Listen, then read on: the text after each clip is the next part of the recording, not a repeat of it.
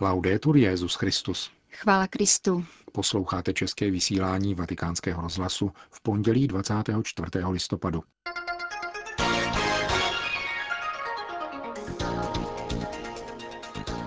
Papež František kázal o chudé vdově přispívající do pokladny Jeruzalémského chrámu. Petrův nástupce jmenoval nového prefekta Kongregace pro bohoslužbu a svátosti.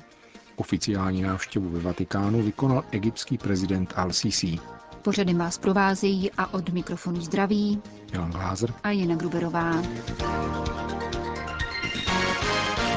Zprávy vatikánského rozhlasu. Vatikán. Je-li církev pokorná a chudá, pak je věrná Kristu. Jinak je pokoušena blištět se svým vlastním světlem, místo aby zprostředkovávala to boží, pronesl papež František během homílie při raním v kapli domu svaté Marty. Rozdávat hodně a veřejně je známkou bohatství, které v sobě živí okázalost a samolibost. Zatímco darovat i to málo, co lze, nepřitahuje pozornost nikoho než Boha, který je vším, v co se doufá. V evangelním příběhu o chudé vdově, která před Ježíšovými zraky vloží do chrámové pokladny vše, co má, zatímco boháči dávají velké sumy ze svého nadbytku, poukázal papež František na dvě tendence, které se neustále v dějinách církve vyskytují. Na církev pokoušenou samolibostí a na chudou církev, která nemá mít jiný majetek než svého ženicha jako ona nemajetná žena u chrámové pokladnice. Rád v této postavě spatřují církev, která je v jistém smyslu tak trochu vdovou, protože očekává návrat svého ženicha. Má jej ovšem v Eucharistii, ve slovu božím a v chudých, to ano. Ale čeká přece na jeho návrat, ne? Toto je postoj církve. Ona vdova nebyla důležitá, její jméno se nevyskytovalo v novinách, nikdo ji neznal, neměla doktoráty, nezářila vlastním světlem. Proto v této ženě spatřují podobu církve. Velká cnost církve má spočívat právě v tom, že nevyzařuje svoje světlo, nýbrž odráží to, které přichází od jejího ženicha. Přichází rovnou od něho. A když během staletí chtěla někdy církev mít svoje vlastní světlo, pochybila. Je pravda, připustil dále papež, že někdy pán může po svojí církvi chtít, aby měla nebo si vzala trochu světla, ale myslí se tím, že má-li církev poslání osvěcovat lidstvo, pak světlo, které jí bylo dáno, musí být pouze to, které obdržela od Krista v postoji pokory. Všechny služby, které v církvi konáme, nám v tom mají pomáhat, tedy v tom, aby se nám dostávalo světla. Služba bez tohoto světla nemá smysl. Když si církev počíná tak, aby byla bohatá či mocná nebo usilovala o moc, zbloudí, jako se stalo v dějinách mnohokrát a jak k tomu dochází v našem životě, když chceme mít jiné světlo, jež není pánovo, tedy svoje vlastní světlo. Když je církev věrná naději a svému ženichovi, řekl dále papež František, má radost, že od něho dostává světlo a v tomto smyslu je vdovou. Je v očekávání jako měsíc vzhledem k slunci, které vyjde. Quando la Chiesa è povera, quando la Chiesa confessa le sue miserie. Je-li církev pokorná, je-li chudá a také vyznává-li svou ubohost, kterou máme všichni, pak je církev věrná. Říká-li církev, jsem tmavá, světlo dostávám odtamtud, prospíváme. Prosme tuto vdovu, která je zajisté v nebi. Prosme ji, aby nás učila být takovouto církví, abychom v životě dávali vše, co máme a nic si nenechávali pro sebe. Všechno pánu a bližnímu. Pokorně, bez samolibosti z toho, že máme svoje vlastní světlo, a v neustálém hledání toho, které přichází od Pána. Končil papež František ranní kázání v domě svaté Marty. Dnes dopoledne se papež František setkal s prefekty vatikánských kongregací a předsedy papežských rad. Na tříhodinovém jednání se mluvilo o reformě římské kurie, kterou připravuje zvláštní komise devíti kardinálů. Vatikánský tiskový mluvčí otec Lombardy připomněl v odpovědi na dotaz novinářů, že setkání papeže s nejvyššími představiteli kuriálních úřadů bylo součástí jejich pravidelné asi půlroční kadence Na setkání však biskup Marcio Semeraro, sekretář zvláštní komise devíti kardinálů připravujících reformu římské kurie, stručně představil obsah porad této komise. Prefekti a předsedové jednotlivých vatikánských úřadů pak vyjádřili svoje mínění, která budou vzata v úvahu na nadcházejícím zasedání zvláštní kardinálské komise ve dnech 9. až 11. prosince. Vatikán. Už v závěru nedělní kanonizační liturgie papež František pochválil církev jeho indického státu Kerala za hojnost řeholních a knižských povolání. Dnes v této chvále pokračoval v bazilice svatého Petra při setkání s indickými poutníky syrsko-malabarského obřadu, které doprovázel jejich arcibiskup kardinál George Alenchery a další biskupové. Dostavil se také kardinál Totunkal syrsko-malankarského obřadu, který, jak papež podotkl, je nejmladším členem kardinálského sboru. Petrův nástupce opětovně upozornil na vzor nových indických svědců.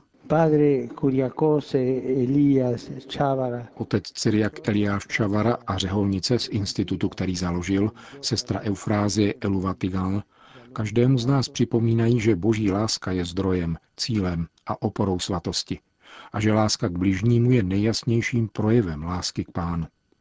Otec Cyriak Eliáš byl aktivní i kontemplativní řeholník, který svůj život velkoryse vydal ve službě syrsko-malabarské církvy.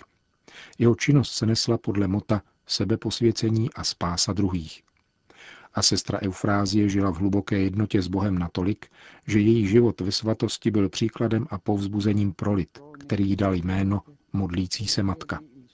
Pro řeholnice tedy tento vzor, ať jsou sestrami modlitby.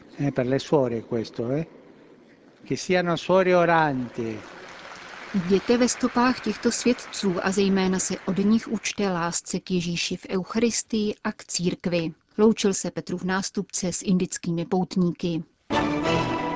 Vatikán. Papeže Františka přijel navštívit prezident Egyptské arabské republiky Abdal Fatah al-Sisi.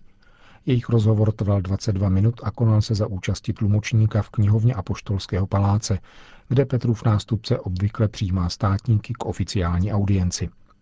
Během srdečného rozhovoru byla řeč o situaci v této africké zemi, píše se ve vatikánském tiskovém sdělení. Byla zdůrazněna blízkost a solidarita církve s veškerým egyptským lidem v tomto období politických přeměn. Zároveň bylo vyjádřeno přání, aby záruky specifikované novou egyptskou ústavou ve věci ochrany lidských práv a náboženské svobody posílili mírumilovné soužití všech složek společnosti a vedli k dalšímu pokračování mezináboženského dialogu. Potom byla probírána další témata společného zájmu se zvláštním zřetelem na roli Egypta při prosazování míru a stability na Blízkém východě a v severní Africe. V této souvislosti bylo zdůrazněno, že cesta dialogu a domluvy je jediná možnost řešení konfliktů a násilí, jež ohrožuje bezbrané obyvatelstvo a působí ztráty na lidských životech. Šlo o první setkání papeže Františka s egyptským prezidentem Al-Sisim, který zvítězil v přímých volbách letos v červnu. Vatikán. Kardinál Robert Sarach, dosavadní předseda papežské rady Cor Unum, se stává novým prefektem Kongregace pro bohoslužbu a svátosti, informoval dnes svatý stolec. Papežská jmenovací listina, která dočila jedné z vatikánských kongregací, opět staví afrického kardinála, však nese nedělní datum. Právě kongregaci pro bohoslužbu a svátosti na počátku druhého tisíciletí vedl nigerijský kardinál Francis Arinze, zatímco beninský kardinál Bernardin Ganten stál v 80. a 90. letech v čele kongregace pro biskupy. Papež František posílá do vedení liturgické kongregace pastýře s více než 20-letou zkušeností v diecézní pastoraci. Jan Pavel II. jmenoval rodáka z guinejského Ourous na biskupský stolec v Konakry v pouhých 34 letech a na přelomu tisíciletí jej povolal do římské kurie. Kardinálský titul mu udělil Benedikt XVI. v roce 2010, krátce poté, co mu svěřil vedení papežské rady Cor Unum, tedy charitativního papežského úřadu. Vatikán. Bývalý libanonský prezident generál Michel Sulaiman byl dnes ve Vatikánu vyznamenán řádem Velkého kříže. Kardinál státní sekretář Pietro Parolin při této příležitosti libanonskému státníkovi poděkoval za jeho mírové úsilí. Papežské vyznamenání, dodal, je samo o sobě výzvou všem představitelům politického, ekonomického a společenského života, aby pracovali ve prospěch míru a bezpečnosti a aby se určujícím měřítkem každého jejich rozhodnutí stávalo obecné dobro. Kardinál Parolín se ve své promluvě obrátil s prozbou k pánu, aby Libanoncům stále napomáhal při utváření bratrství, protože jen za těchto podmínek bude jejich země skutečným místem pokoje, na kterém se každý občan bude moci plně realizovat a psát slavné stránky libanonských dějin. Vatikán. Stojíme nad propastí, je třeba se zastavit.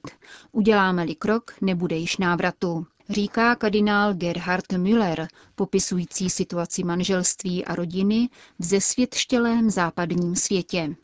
Manželství jako komplementární svazek ženy a muže je ohrožován a znevažován.